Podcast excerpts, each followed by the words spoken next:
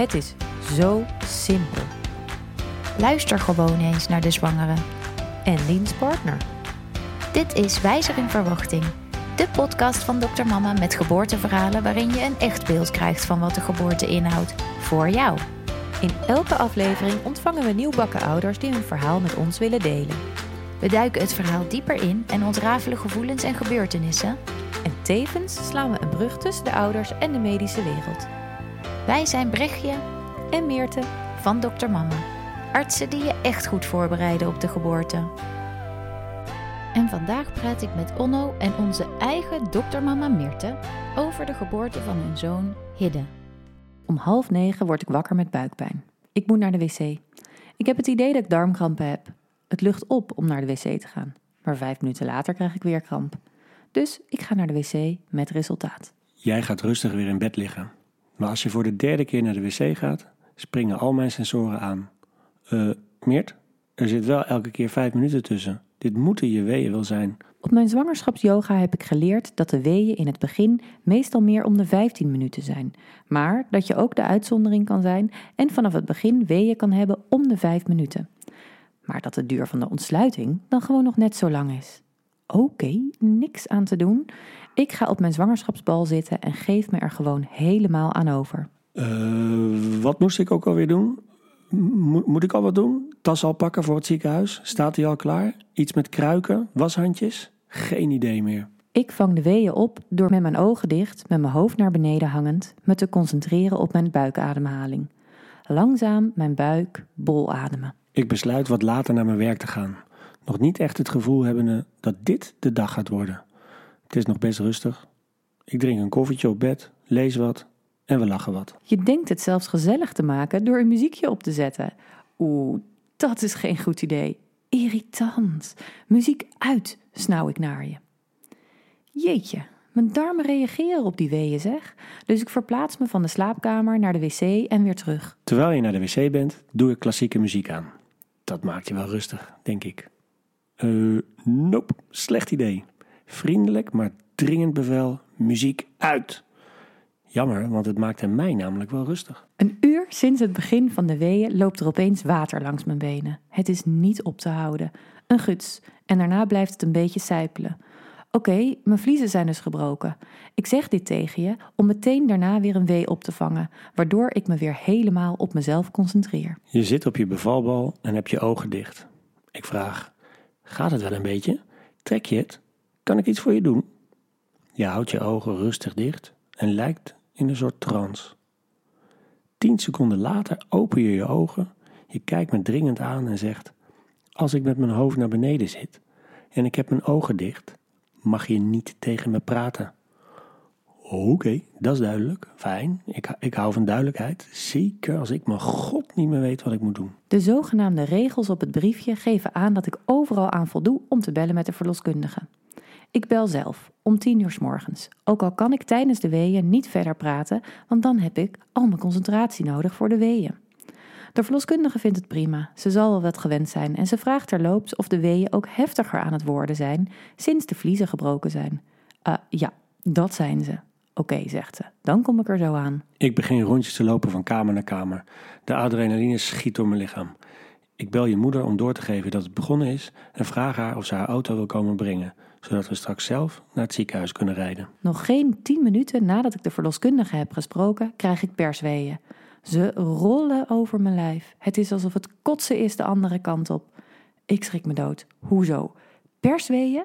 Ben ik gek? Verbeeld ik het me? De bel gaat. Als het mijn moeder is, vermoord ik haar. Dan komt de verloskundige binnen en ziet je stoned op de bal zitten en zegt: Zo, die is weg. Ze komt de kamer binnen. Ik ga vast op bed liggen en lig bloot de weeën op te vangen. Ik kijk haar voor het eerst aan, zie dat ze haar haar geknipt heeft en vang weer een wee op. Ik geef aan dat ik persweeën heb.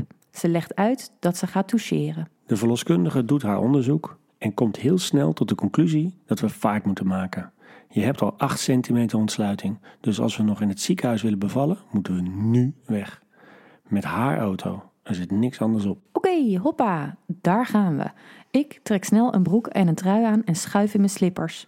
Buiten sta ik in de januari-kou te wachten totdat jij er bent met het koffertje en de maxicosi. Ik heb het niet meer. Gevoelens van machteloosheid wisselen zich voortdurend af met gevoelens van blijdschap dat de dag waar we zo naar uitkeken is gekomen. Ik praat niet. Ik zit helemaal in mijn eigen wereld. Ik ben niet bang. Ik hoor de verloskundige zeggen dat ik niet mee mag persen. Bij elke perswee, golf, voel ik echter de druk op mijn buik en vagina toenemen en op de top van de wee kan die niet tegengehouden worden. De rest van de wee zucht, puf en hijg ik weg. In de auto beginnen de weeën sneller naar elkaar te komen. De verloskundige geeft op de snelweg al aan dat zodra we aankomen rijden bij het ziekenhuis, ik een rolstoel moet scoren en zij de auto gaat wegzetten. Ik zit op een matje op de bijrijderstoel. We staan vast voor het verkeerslicht bij het VU. Jij en de verloskundige zijn zenuwachtig. Bang dat het al zover is. Ik ben oké. Zover ben ik nog niet. Maar iets zeggen? Ho maar. Uit mijn eigen bubbel komen kost gewoonweg te veel energie. Als we aankomen bij de VU, sprint ik uit de auto om vervolgens zes rondjes over de parkeerplaats te roepen naar een rolstoel. Niemand biedt hulp. Ik spreek een witte jas aan, die me rustig naar de ingang wijst, waar 16 rolstoelen klaarstaan. Ik hijs je onder hoogspanning in een rolstoel en ren naar de liften. Mijn gevoel zegt dat we moeten opschieten. De lift denkt anders. Het duurt naar mijn gevoel uren voordat de lift beneden is. Er zijn dus oprecht mensen die tegen je gaan praten. Oh, ben je aan het bevallen? Wat leuk. Is het je eerste? Serious mensen, shut up. Als de lift eindelijk aankomt, schuif ik je erin en druk op 9. De deuren gaan tergend langzaam dicht en de lift kruipt naar boven. Opeens stopt hij op 3. De deuren gaan open, niemand. Je krijgt weer een wee, dus ik ram op deuren dicht. Het zweet breekt me uit. De lift gaat weer naar boven en stopt bij 4. De deuren gaan tergend langzaam open en vier witte jassen staan ons aan te gapen vanuit de gang. Ze is aan het bevallen, roep ik en druk weer op deuren dicht. De vier witte jassen kijken met acht witte grote ogen naar me terwijl de deuren sluiten en de moed zankt langzaam in mijn schoenen. Boven aangekomen word ik naar een kamertje gebracht. Ik trek alles uit, klim in het bed en de verloskundige toucheert. Er zit nog een klein randje voor. Ze vraagt me of ik op mijn linkerzij wil gaan liggen en ze zegt: Doe maar wat je wilt om de weeën op te vangen. Ik lig op mijn linkerzij, jij bent bij me. Ik grijp je hand vast. Er staan drankjes klaar om te drinken met rietjes. Ik kronkel, kreun en vang op. Je wordt wat onrustig. Je hebt het warm, dan weer koud. Wel sokken aan, geen sokken aan. En dan heb ik volledige ontsluiting en mag ik gaan persen. Ik lig op mijn rug, heb mijn benen vast en pers. Jeetje, dit is echt totaal weird. Eerst niet mee persen, nu wel. Oké, na een minuut is er weer een volgende perswee. Hou je adem vast en pers mee. En probeer op diezelfde wee nog een keer mee te persen. Dat hoor ik. Drie keer persen haal ik niet. Twee keer is de max. Dan is die wee weer weg. Ik probeer je te ondersteunen in bed. Ga half achter je zitten en probeer je rug te ondersteunen tijdens de weeën. Het lijkt wel alsof ik tegen een muur aan het persen ben. Ik doe heel erg mijn best, maar het voelt gewoon alsof een verticaal tegenwerkend vlak tussen mijn benen zit. Na drie kwartier stelt de verloskundige voor om op de baarkruk te gaan proberen. Ik zit tegen jou aan, heb eigenlijk meestal mijn ogen dicht, maar kan ook meekijken via een spiegel. Het lijkt me te veel af. Waar ben ik eigenlijk naar aan het kijken? Als de weeën toenemen, vraag je me om een washandje. Ik maak een washandje lekker warm om de kraan en leg hem in je nek. Veel te warm, schreeuw je. Oké, duidelijk. Op de baarkruk raak ik even moedeloos. De verloskundige maakt me alert en zegt: Meerte, wat is er? Ik zeg: Ik weet het gewoon even niet meer. Ze bekrachtigt me en zegt: Je doet het echt hartstikke goed. Gewoon doorgaan. Dat geeft me weer een zetje om door te gaan. Na elke perswee wordt naar het hartje geluisterd. Die herstelt zich elke keer goed. Maar op een gegeven moment niet meer. Het duurt lang voordat hij weer op stoom komt. Jij bent je nergens van bewust. En ik ben niet in staat om iets te zeggen of uit te leggen. Maar ik heb wel last van mijn eigen hoofd met gedachten. Stom. De verloskundige raadt aan om weer te gaan liggen, de baby wat meer ruimte te geven en dat ze gaat overleggen met de gynaecologe. Ik ben nu een uur aan het persen. Het persen duurt erg lang. De verloskundige geeft aan dat ze de gynaecoloog erbij gaat halen. Een lichte bezorgdheid is van haar gezicht te lezen. Ik voel de paniek bij me opkomen, maar hou je stevig vast terwijl je alles geeft bij persen. Je doet het zo goed, maar de kleine lijkt tegen te werken. Terwijl de verloskundige weg is, krijg ik weer een perswee. Eh, kan ik dan nu gewoon meepersen? iemand die me vertelt wat ik moet doen? Ik heb het rete warm. Kan iemand ook in godsnaam mijn warme sokken uittrekken? En wat baal ik ervan dat ik geen haarelastiek bij me heb. Het is heet. Ik krijg ook elke keer een snauw als ik het washandje in mijn wand warm heb laten worden. Koud, het wordt koud. De verloskundige is terug en opeens ga ik het voelen. Oké, nu gaat het pijn doen. De baby is net een beetje gedraaid, waardoor hij veel verder komt. Ik voel het, het drukt, het snijdt en het brandt, maar het geeft vooral richting.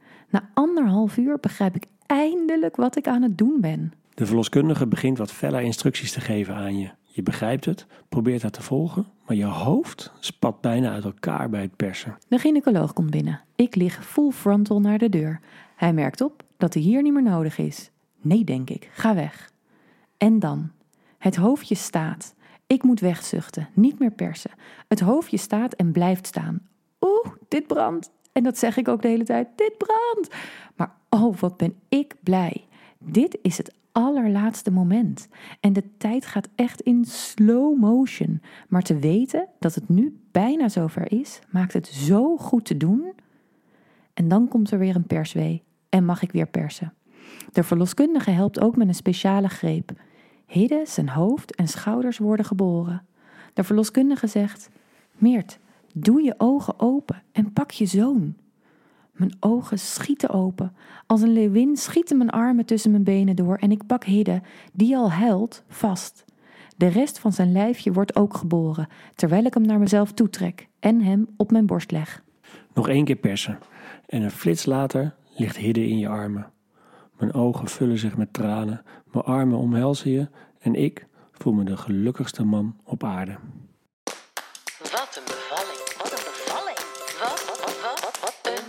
Bevalling.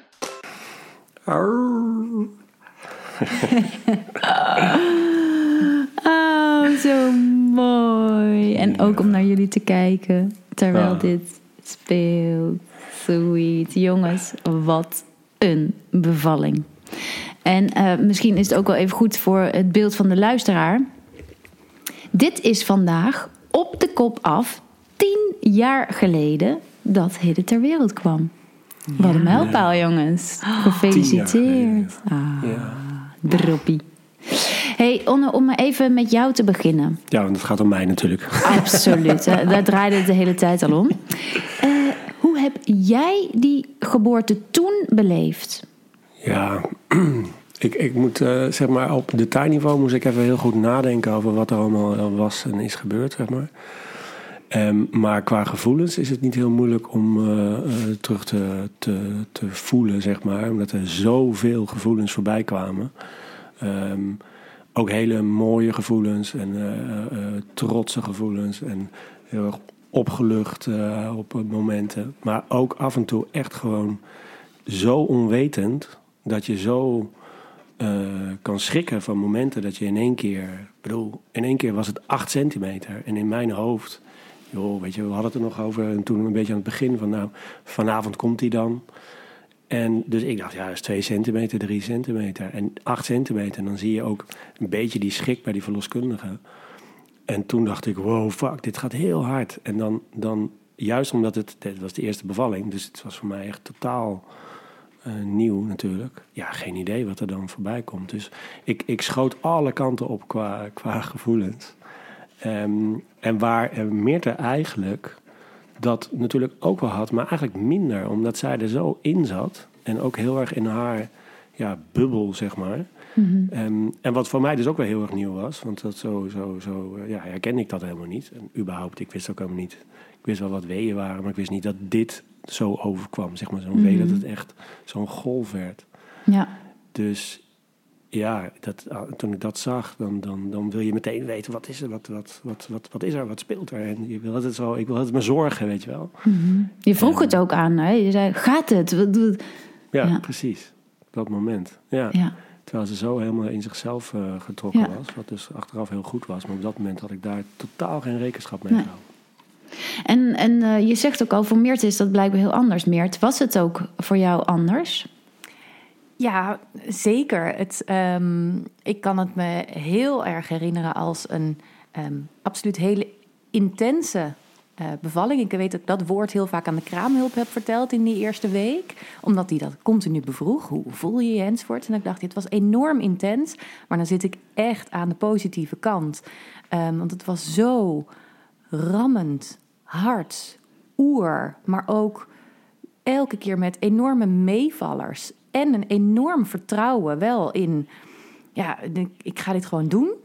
We gaan het gewoon cheffen. En... Ehm, ja, daar, daar, ben ik niet in teleurgesteld. Ik denk dat ik daar ontzettend geluk mee heb gehad in het hele proces. Ehm, dat daar ja, geen kink in de kabel is gekomen. Mhm. Ehm, anders dan dat het persen een beetje lang duurde. Mhm. Maar wat een enorme, krachtige, powervolle ervaring is dit geweest. Ik vond het echt fantastisch. En dacht oprecht ook in die eerste week al, joh, dit, dit kan ik morgen weer doen. Ja, jij was echt on top of your game. Oh. Echt. Wauw. Wat vet. Maar um, Onno, uh, wat was jouw voorbereiding dan op die geboorte? Wat heb je gedaan? nou. Nou. Nee, ja, kijk, daarin, kijk, inmiddels zijn we natuurlijk um, drie bevallingen verder, uh, mm -hmm. tien jaar verder. Mm -hmm. um, maar in die tijd um, heb ik ik denk dat ik het boek van Kloen heb gelezen. Aha. Dat was, uh, dat was niet de enige voorbereiding natuurlijk. Uh, ik maar... denk dat we die in drie fout hebben gekregen ongeveer oh, ja. in, uh, in, de eerste weken. Je hup aan alle kanten, hier Kloen, hier Kloen. Ja. Help ik heb ja. mijn vrouw zwanger gemaakt, ja. Ja, en dat is niet een boek dat je als voorbereiding moet lezen. Dat is, dat is meer een soort van ja, komisch boek. hoe om te gaan met de situaties zoals die anders zijn dan, dan normaal, zeg maar. Mm -hmm. Maar ook heel stereotyp met hysterische vrouw en man die ja, dat vooral weet heel... Je, die hormonen, die moeten gewoon... Dat is een soort storm die voorbij raast. En als een soort van struisvogel moet je je kop in het zand steken en het maar ondergaan. Weet je wel, dat soort dingen. Mm -hmm. Dus heel erg niet vanuit het stuk van je bent... Uh, je doet het samen. Of je mm -hmm. bent...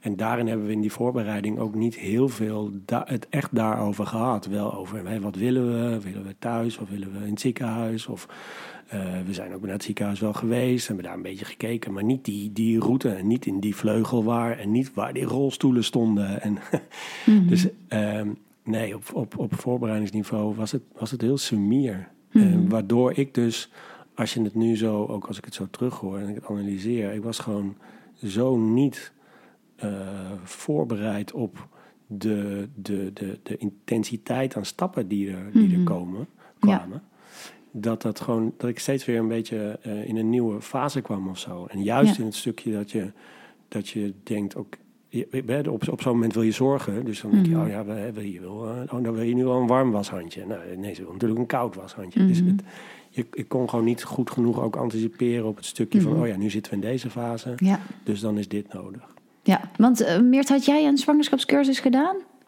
Ja, ja, nee, die hoorde ook zeker bij de voorbereiding. Um, en die vond ik heel uh, prettig. Het was zwangerschapsyoga. En um, als ik daar uh, tijdens had ik dat al. Ik, ik was vooral in de yogales bezig met uh, de andere vrouwen. Want ik kende geen andere zwangeren. Ik was mm -hmm. zelf vroeg zwanger ten opzichte van mijn vriendinnen. Mm -hmm. Dus um, daar haalde ik vrij veel uit.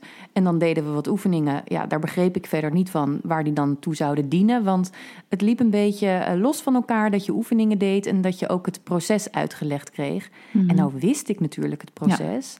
Ja. Ja. Um, maar dan was het alsnog zo dat inderdaad dan bijvoorbeeld op zo'n yogalesje... Ja, weet je, als dokter word je niet opgeleid in hoe gaan die eerste weeën dan? Hoe, hoe moet je je daartoe verhouden? Dus daar had ik dan iets geleerd van, nou ja, dat komt dan waarschijnlijk om de 15 minuten. En dat was mm. dan niet zo. Maar um, ja, als ik het naast elkaar leg, dan denk ik, uh, buiten dat het een gezellig klasje was, was het niet heel veel meer. En we hebben natuurlijk als soort kers op de taart een partnerles gehad. Ja, is precies. Daar ben je mee naartoe geweest, Onno. Absoluut. Daar werd je een beetje naartoe gesleept, denk ik. Ja, ja? Nee, volgens mij was het de laatste les. En uh, nou, volgens mij was het niet eens de hele les. Maar je, ik, ja, je, je, ik zat daar op een stoel en er werd me even een plaatje gegeven van dit is de baby, hoe die eruit komt. En voor de rest, ook daarin kan me nog echt herinneren dat ze de mededeling gaf. Als je vrouw A zegt, dan doe je A. Mhm. Dus heel erg in het stukje van zij is de, de, de, De motor, de, die Ja. neemt de lead. Ja. En je volgt en je ondersteunt en je helpt en je zorgt. Wat natuurlijk ook gewoon helemaal zo is. Mhm. Maar het, het was dus ja, een, een, een hele. Ja, hoe noem je dat? Ja, een dienende rol. Je kreeg, Ja. je kreeg uitgelegd, eh, daar zou je kunnen duwen. Eh, dat hebben we geoefend, dat ik ging zitten en dat jij in mijn rug kon duwen. Ehm, zo komt inderdaad een baby eruit, eh, dan weet je dat. Maar anders dan inderdaad, eh, als ze vraagt om sokken, dan ga je niet vragen welke sokken. Ehm, waren er niet heel veel boodschappen. En Nee. zeker natuurlijk niet op basis van de, de inhoud. Dus de inhoud maakte, eh, ja, daar was je nog steeds, tastte je compleet in het duister. Ja. ja, want jouw referentiekader, Onno, is dus eh Kluun. eh, één lesje meedoen, zwangerschapscursus. Eh, je doet vooral eh, alles om met je vrouw naar de zin te maken, want zij is leidend. Ehm, en in je omgeving, wat, wat was daar het, het beeld van de rol van de partner tijdens de geboorte? Ja, ik denk dat dat, dat niet anders was dan dat het überhaupt tien jaar geleden gewoon wel was. En dat, Mm. dat is dus het stukje, ja, een beetje dat. Van, je staat erbij, je kijkt ernaar, Ja. je helpt zoveel mogelijk. En eh, op een gegeven moment ben je vader. En dan Ja. begint het, weet je wel. Eigenlijk kan je niks doen daar, dat is gewoon uitzitten. Ja, Mijn vader las de krant toen ik eh, geboren werd. Ook zo'n referentiekader. ja, ja precies. Oké, dat is jaren zeventig. Dus dan, hè? De kranten Want- waren toen nog heel goed, of wat? Dus, dus eh, jij hebt eigenlijk dat, eh, dat beeld wat je had van wat een partner moet doen, dat heb je eigenlijk ook gedaan. Die rol heb je gepakt. ja, zeker. En hoe voelde je je daarbij? Heel ongemakkelijk. Nee, eh, kijk, kijk het, het, het voornaamste gevoel was gewoon dat je ergens een soort van machteloosheid hebt. Ja. Je ziet gewoon je, je, je, je vrouw voor je neus pijn hebben. eh, eh, het lijkt oorlog en je hebt geen idee wat je kan doen of moet doen. Je voelt je schuldig. Je wil, je wil, je wil het eruit trekken, bij wijze van Mhm. spreken. Ja, En je hebt dus geen idee hoe lang dit Nee. allemaal nog gaat gebeuren. Nee. En, en ik, had wel, ik, ik had wel altijd ik, het vertrouwen in dat Mirte, Mhm. die, die rokte echt, die, die Ja. neelde het helemaal. ja, Maar ja, je weet natuurlijk, je weet niet wat er nog Nee. kan gebeuren. En als je dan van die momenten hebt dat, je, dat een verloskundige een beetje zo angstig in de ogen kijkt, of voor je Mhm. gevoel dan angstig in de ogen, of er gezegd wordt dat een gynaecoloog erbij getrokken moet Mhm. worden, geen idee, wat houdt dat dan in? Dus dat, en, en bij jou zat daar dan meer vertrouwen in, in jezelf. En bij mij dacht ik, ja, maar ik ken ook al die horrorscenario's, Mhm. weet je wel. ja, Terwijl Dus je- achteraf gezien is dit, was dit volgens mij gewoon echt een bevalling uit het boekje. ja. Ik, ik zou er zo voor tekenen. Ja. ja, want jij zegt het, Onno. Eh, Meerte, jij lijkt helemaal on top of your game. Je zit in je kracht. Je rokt dat hele verhaal. Maar er zitten ook wel een aantal eh, punten in die me echt opvielen... waarin je vrij eenzaam bent. Hè? Je zegt eh, eh, op een gegeven moment... ehm, dat je merkt dat de baby het zwaar begint te krijgen aan de hand van het CTG. En de verloskundige benoemt dat. En je merkt dat Onno echt van geen flauw idee heeft wat er aan het gebeuren is. Maar in jouw hoofd gaan allerlei radartjes. En even later ook, als de verloskundige weggaat om de gynaecoloog te halen... krijg je een perswee en dan zeg je... Hallo, iemand? Mag ik niet mee persen? Kan iemand mij vertellen wat ik moet doen? Dus je voelt je daarin dan wel heel eenzaam. Ja, eenzaam. eenzaam ehm, ik, ik heb me absoluut niet per se negatief gevoeld als in alleen. Ik heb wel last gehad, dus inderdaad van mijn hoofd, omdat ik dan denk: oh ja, shit, die hartslag gaat naar beneden. En dan komt ook mijn artsenbrein langs, die denkt: oké, eh, de hartslag gaat naar beneden, dat is niet goed. Wat gaat dan nu die volgende stap zijn? Moet ik daar verantwoordelijkheid in nemen? Juist. Moet ik zeggen: ehm, knip hem er dan maar uit? Of Ja. moet ik eigenlijk nu überhaupt weten en beslissen dat dit nu het goede moment voor de vacuüm is? Ik, ik switchte toen echt van rol. En dat Ja. heeft wel geholpen hoor. Dat de verloskundige toen zei ook van... eh joe, je doet het hartstikke goed. En dat je denkt, Mhm. oh ja, oké, nou dan me maar weer overgeven. Maar dus... En ik had een beetje last van het artsenhoofd. En ook wel van het sociaal wenselijke hoofd. Want dan is de Mhm. verloskundige weg. En er was nog wel een verpleegkundige. Maar dat je dan denkt... Ah, als ik nu pers... En, en hij valt er wel opeens uit. Mhm. Eh, kan dat dan? Is Mag er dan iemand dan? om het Ja. op te vangen? Oh. Eh, wat moet ik doen? Vertel me maar gewoon wat ik Ja. moet doen. Ja. Ehm, duidelijke instructies, dan zeg ik ja en amen helemaal prima. Ehm, dus dat was ook een beetje de verwarring toen zij weg was. Mhm. Ja, en ik misschien toen al net ietsje meer begon te voelen, weet je. En Mhm. Net zo goed als helemaal in het begin van het verhaal... dat ik gewoon voordat de verloskundige er is persweeën heb. Dat is ook zo'n soort mindfuck dat je denkt... No way. ben ik nou gek? Ja. Ja. Ben ik me nou aan het aanstellen? Of is het gewoon zo en mag ik daar dan op vertrouwen? Ik denk dat dat ja, eh, heel logisch is omdat het een eerste keer is. Maar het ook wel passend is bij eh, ja, dat ik dan graag iemand om me heen heb die, die het weet en die het aan me kan zeggen. Eh, en me ook wel geruststelt dat ik dat niet hoef te weten. Ja, ik voel me er wel erg verantwoordelijk in het proces. Dat woord, dat, dat komt ook echt heel erg bij me binnen. Dat ik denk, zo, die zit me daar een partijtje verantwoordelijk te wezen. Omdat je dus weet, it's me and me alone ergens. Eh, Ik weet het, ik weet wat ik moet doen, mijn lijf doet dit. Ja. Eh, en misschien dus ook met dat stukje artsenbrein van... ehm, bizar eigenlijk, dat je in het proces kunt switchen naar ja, nee, kind of crazy. schizofreen man. Ja, echt. Split brain. Want eh, je hebt het over dat punt dat er iets gaat veranderen, namelijk dan ga je het voelen. Ja. Neem ons eens even mee in dat stukje. Ja, dat is, dan, dan is, zit er dus echt al wel een uitputtingsslag. En dus eh, grote vraagtekens boven je hoofd. Ah, waarom gebeurt er niks? En dus een beetje de angst. Ja, shit, wat is dan ook weer die volgende stap? Wat gaat er nu gebeuren?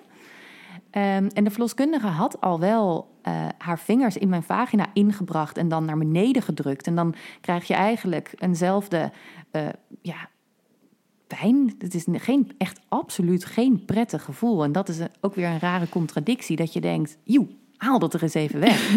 en ondertussen dat je denkt, oh, daar, dat, moet ik dat voelen? Ja, dat, doet- ik voel alleen maar een soort steen. Ik voel helemaal niks anders, behalve nu dat. En dat begon op een gegeven moment te veranderen. Dat je echt wel feedback krijgt op wat je doet. Dus ik had relatief korte persweeën, maar als ik dan meeperste, dan voelde ik ook echt dat er wat gebeurde. En dan nam dus de pijn toe. En waar je eigenlijk ja, misschien wel denkt, oeh, ik wil weg van die pijn, was het dus ook prettig, omdat je denkt, ik voel nu wat er gebeurt. Dat geeft me de feedback dat ik in ieder geval goed bezig ben. Want daarvoor zegt iedereen, ja, goed zo, ga door. En denk je echt, ja, je kan me alles vertellen, maar jullie liegen. Hey, en dat doet dan pijn, dat geeft je richting. Ja. En dan weet je wat je moet doen. Nou, dan komt er eerst nog een gynaecoloog binnen. Exemplarisch. Hoe je dan opgesteld bent. Dat je denkt, zo, die kijkt echt recht naar binnen. Maar goed. Ehm, Nou, slecht. Niet goed. Ja. Oh, wat was dat slecht. Ja, het, het, uiteindelijk haalde het mij er niet helemaal uit. Hij had niet langer moeten staan. Dan had Nee. het me uit mijn vibe gehaald. Ja. Ja. Het was echt zo'n hoofdje wat zo om de deur kwam.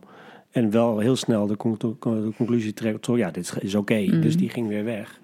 Maar ik dacht ook meteen zo. Die kijkt gewoon hup, bam, meteen naar binnen. En eh nou, Ja. een beetje awkward.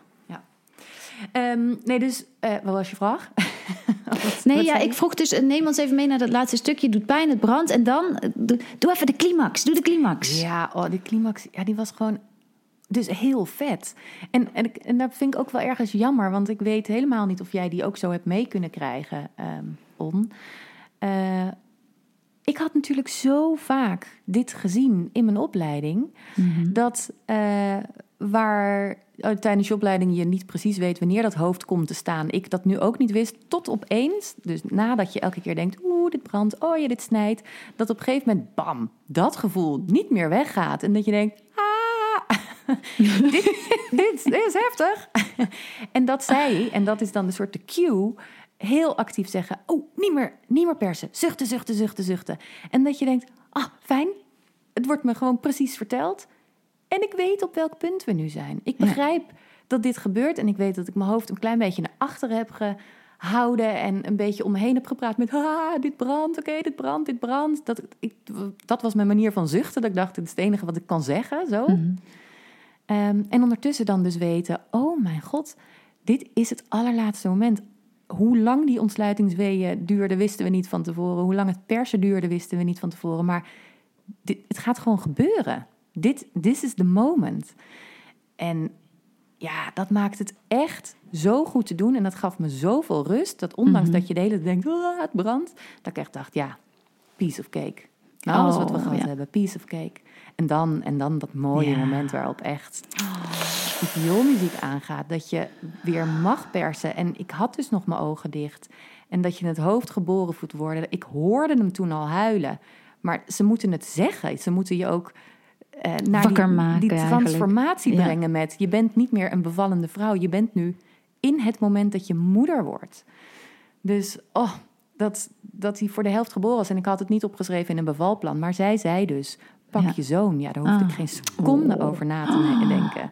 Hij was voor de helft geboren. Hij huilde keihard. En wap, in één keer op mijn borst getrokken. En oh, de opluchting die er dan is. Oh. En dat hij er ligt en de verbazing. En oh, wat huilde die hard. Hij was ah. echt brullend. Dat je op een gegeven moment naar menu denkt: zo, um, kan die weer terug? Precies zoals je. Is die van mij? op kraambezoek ook soms denkt: ja. ah, ja, hij helpt. Hier, alsjeblieft, aan jou. ik denk: oh, ja, dat moet ik dus nu zelf doen. Oh, shit. Is dat normaal? Oh. oh. ja, die jongen die heeft natuurlijk ook wel vastgezeten even in dat geboortekanaal. Ja. Oh, maar het echt zo wat er dan voor een opluchting. En dat je dus inderdaad alleen maar tot het besef komt: oh, I did it, we did it. Mm. Dit is gewoon, ja, de berg is toch voorbij. Hij ligt achter je. Heel bijzonder. Mini mini masterclass, mini mini masterclass met Dr. Mama. The Ring of Fire. De persfase wordt ook wel de uitdrijvingsfase genoemd. En ondanks dat de baby maar een kleine afstand hoeft af te leggen, kan de weg door het baringskanaal best lang duren. Afhankelijk van hoe de baby ervoor ligt en hoe ver de baby al is ingedaald in het bekken, heb je eerst een persfase waarin je weinig feedback krijgt van je lijf. De baby bevindt zich op dat moment nog in het benige gedeelte van het bekken en dat voel je soms nauwelijks. Vergelijk het maar met dat de baby niet aan de achterkant van je buik voelt trappen, maar alleen aan de voorkant. Wanneer je duidelijk feedback begint te voelen van je lijf, is als de baby is aangekomen bij de bekkenbodem. En dat is echt het laatste stukje. In de beeldvorming worden er wat visuele termen gebruikt, zoals het hoofdje snijdt in. Dit is de fase dat de baby de bekkenbodem oprekt. Dat gaat vaak stapje voor stapje en dat is gunstig. Elke keer dat je perst, vergroot je de druk op de bekkenbodem en zal de baby met zijn hoofdje drie mini-stapjes vooruit doen. Is de perswee weg, dan voel je soms ook echt weer de baby twee stapjes terugglijden. Het is echt millimeterwerk. Doordat dit stapje voor stapje gaat, krijgt het perineum, dat is het weefsel tussen de vagina en de anus, de tijd om langzaam op te rekken. Vergelijk het maar met een verweerd elastiekje. Als je daar langzaam en goed verdeeld de kracht op zet, dan kan je zo'n elastiekje nog behoorlijk uitrekken. Zou je in één keer een grote ruk geven, ja, dan knapt het elastiekje. Zo slim is ook het lichaam in deze fase. Een tweede voordeel is dat omdat deze fase langzaam de druk opbouwt, maar ook een continue druk ervaart, raken de zenuwuiteinden iets wat overprikkeld, waardoor je een mate van uitdoving krijgt. Denk niet dat je niks meer voelt, want dan kom je van een koude kermis thuis. De druk of branderig gevoel zijn vaak heel duidelijk aanwezig, maar die mate van overprikkeling zorgt ervoor dat je het eventuele moment van inscheuren niet voelt. En dan komt het moment, vaak aan het eind van een perswee of als de top net geweest is, dat het hoofdje van de baby met zijn grootste diameter in de vaginaopening staat en dat hij niet meer terugzakt. Dit is het moment dat de verloskundige meestal actief zal coachen om even te wachten met persen. Ze vraagt je om te zuchten, om maar niet te persen en vervolgens voel je de perswee wegzakken. Tijdens de pauze tussen de weeën staat dus het hoofdje van je baby in je vagina en dat wordt ook wel de ring of fire genoemd. En ja, dat is pittig. Maar te weten dat dat het allerlaatste moment is dat je dat aan kan.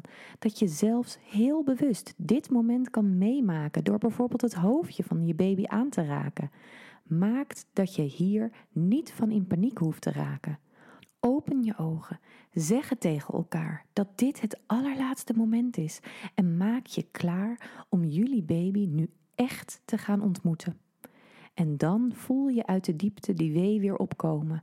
Je perst rustig mee, het hoofd wordt geboren, het hoofd maakt een uitwendige draai, de schouders volgen en daar is jullie kindje.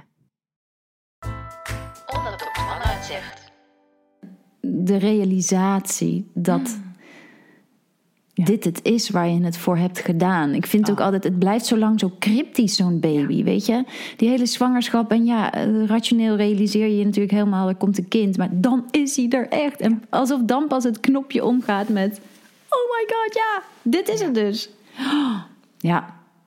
ja. Grappig, dat gevoel went ook nooit.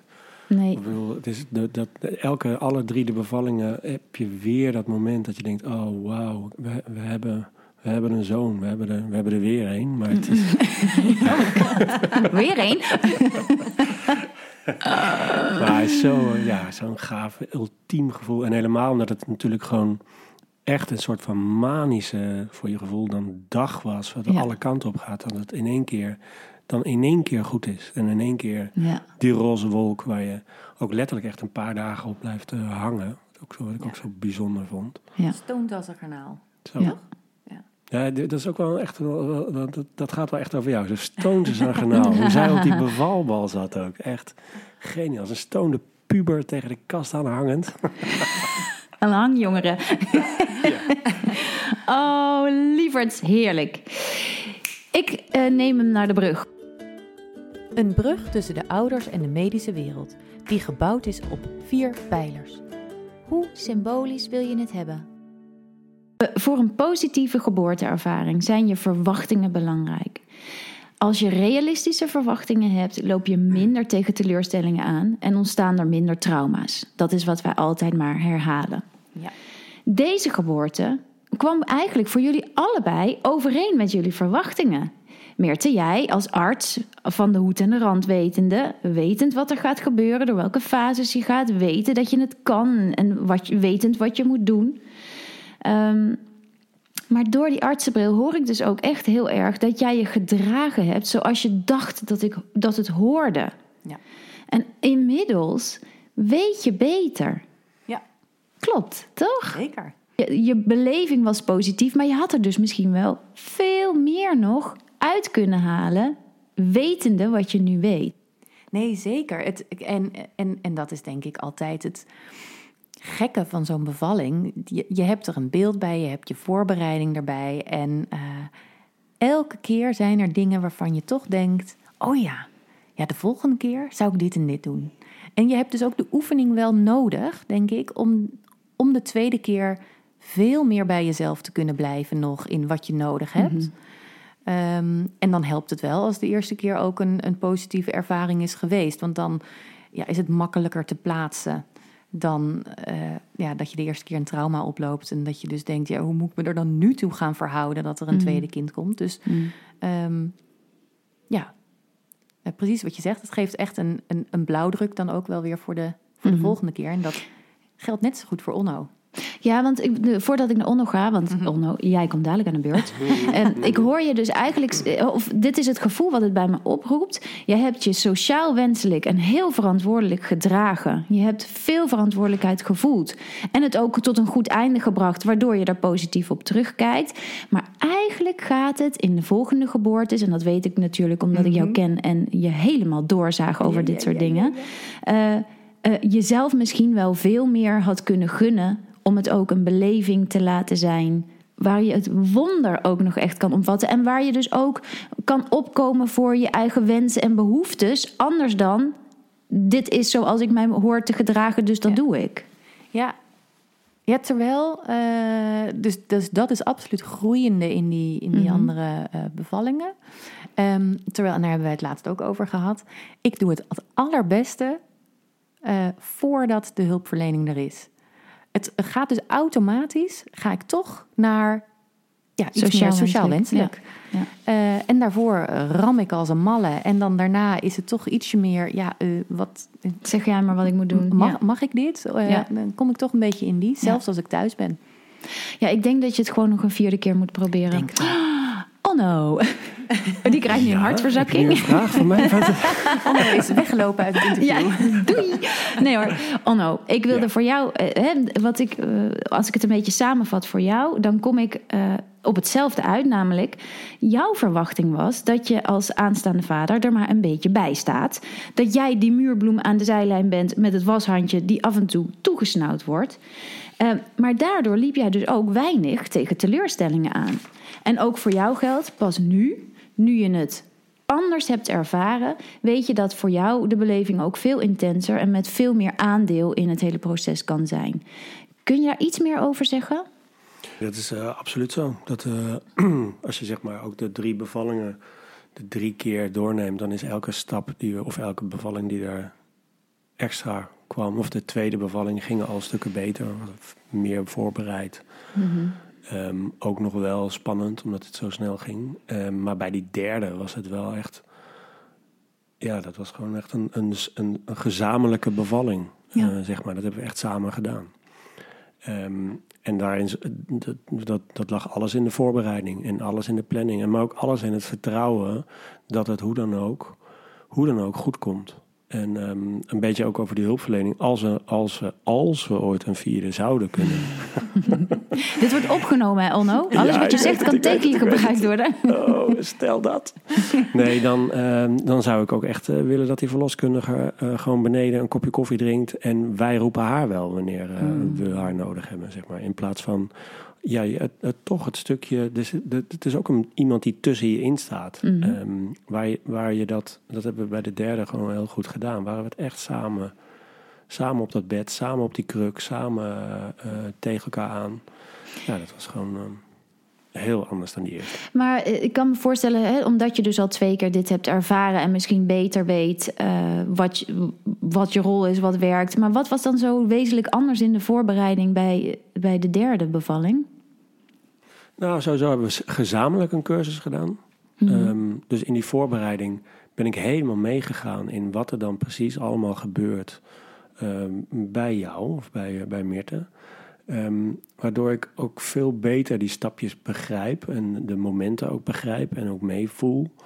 Um, en ook gerichter, als ik vragen heb, gewoon gerichte vragen kan stellen. Of niet vragen hoef te stellen, omdat ik gewoon wel weet wat het, wat het uh, inhield. Mm -hmm. um, ja, je hebt ook regie gepakt, want je hebt ook zelf gezegd, na die cursus die we dan doorliepen of op de avonden, gezegd: Ja, maar uh, ik heb ook wat nodig. Mm -hmm. Ik wil ook in die bevalling meer betrokken worden. En hoe gaan wij dat samen doen? Dus in plaats van alleen maar het uh, mij dienend te ja. zijn geweest, heb je ook, ben je ook voor jezelf opgekomen in dit wordt ook de geboorte waarin ik ja.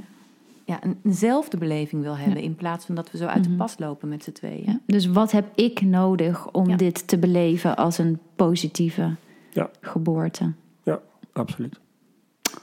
Ach, kippenvel van. Ja.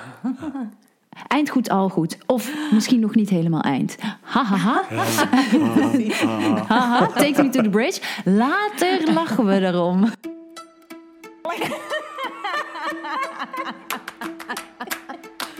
Later lachen we erom. Was er nog iets waar jullie hard om hebben gelachen tijdens, of misschien juist niet hard om hebben gelachen, maar vooral achteraf van denken: wat een bak. Wat, dat, een verhaal wat het goed doet op feesten en partijen. Nou, kijk, tijdens uh, heb ik er weinig om kunnen lachen en uh, was het echt too much. Maar ik zat ook, denk ik, met groot deel met mijn ogen dicht. Maar als ik nu me toch voor me zie hoe jij daar in een soort cartoon rondjes aan het rennen bent op die parkeerplaats in de hoop dat iemand je alsjeblieft wil helpen om een rolstoel te vinden. En dat je echt denkt ik ben hier alleen. Ja, zeker achteraf is het echt een slapstick. Ja. ja. Maar het was op dat moment was ik gewoon, ik was vol aan. En het was ook een, een lekker moment, hè? want het was het moment om te pakken. Te en, shinen, uh, ja. Waar is die rolstoel? Ja, zoeken en dan vinden. En waar is Meert er nu? Dan weer aanrennen. En dat ging maar door, zeg maar. Maar het was steeds weer zo, uh, oh nee, oh, oh, nee. En weer die liftdeur open. En, en, en ook nog eens die, die, die, die artsen die gewoon heel langzaam zo aankijken. Alsof ik denk, je ziet toch wat aan bevallen is. en dat werd alleen maar erger, erger, erger. En dat, en dat resulteerde uiteindelijk bij mij dan weer in een opluchting. Oh, goddank, we zijn op de bovenste verdieping. we, we, hebben het gehaald. Wat een bevalling. Oh nee, die moest nog komen. Een mooi verhaal. Zeker. Hij kan zo in het boek van Kluun, dat sowieso. dat sowieso. Zeker. Ja.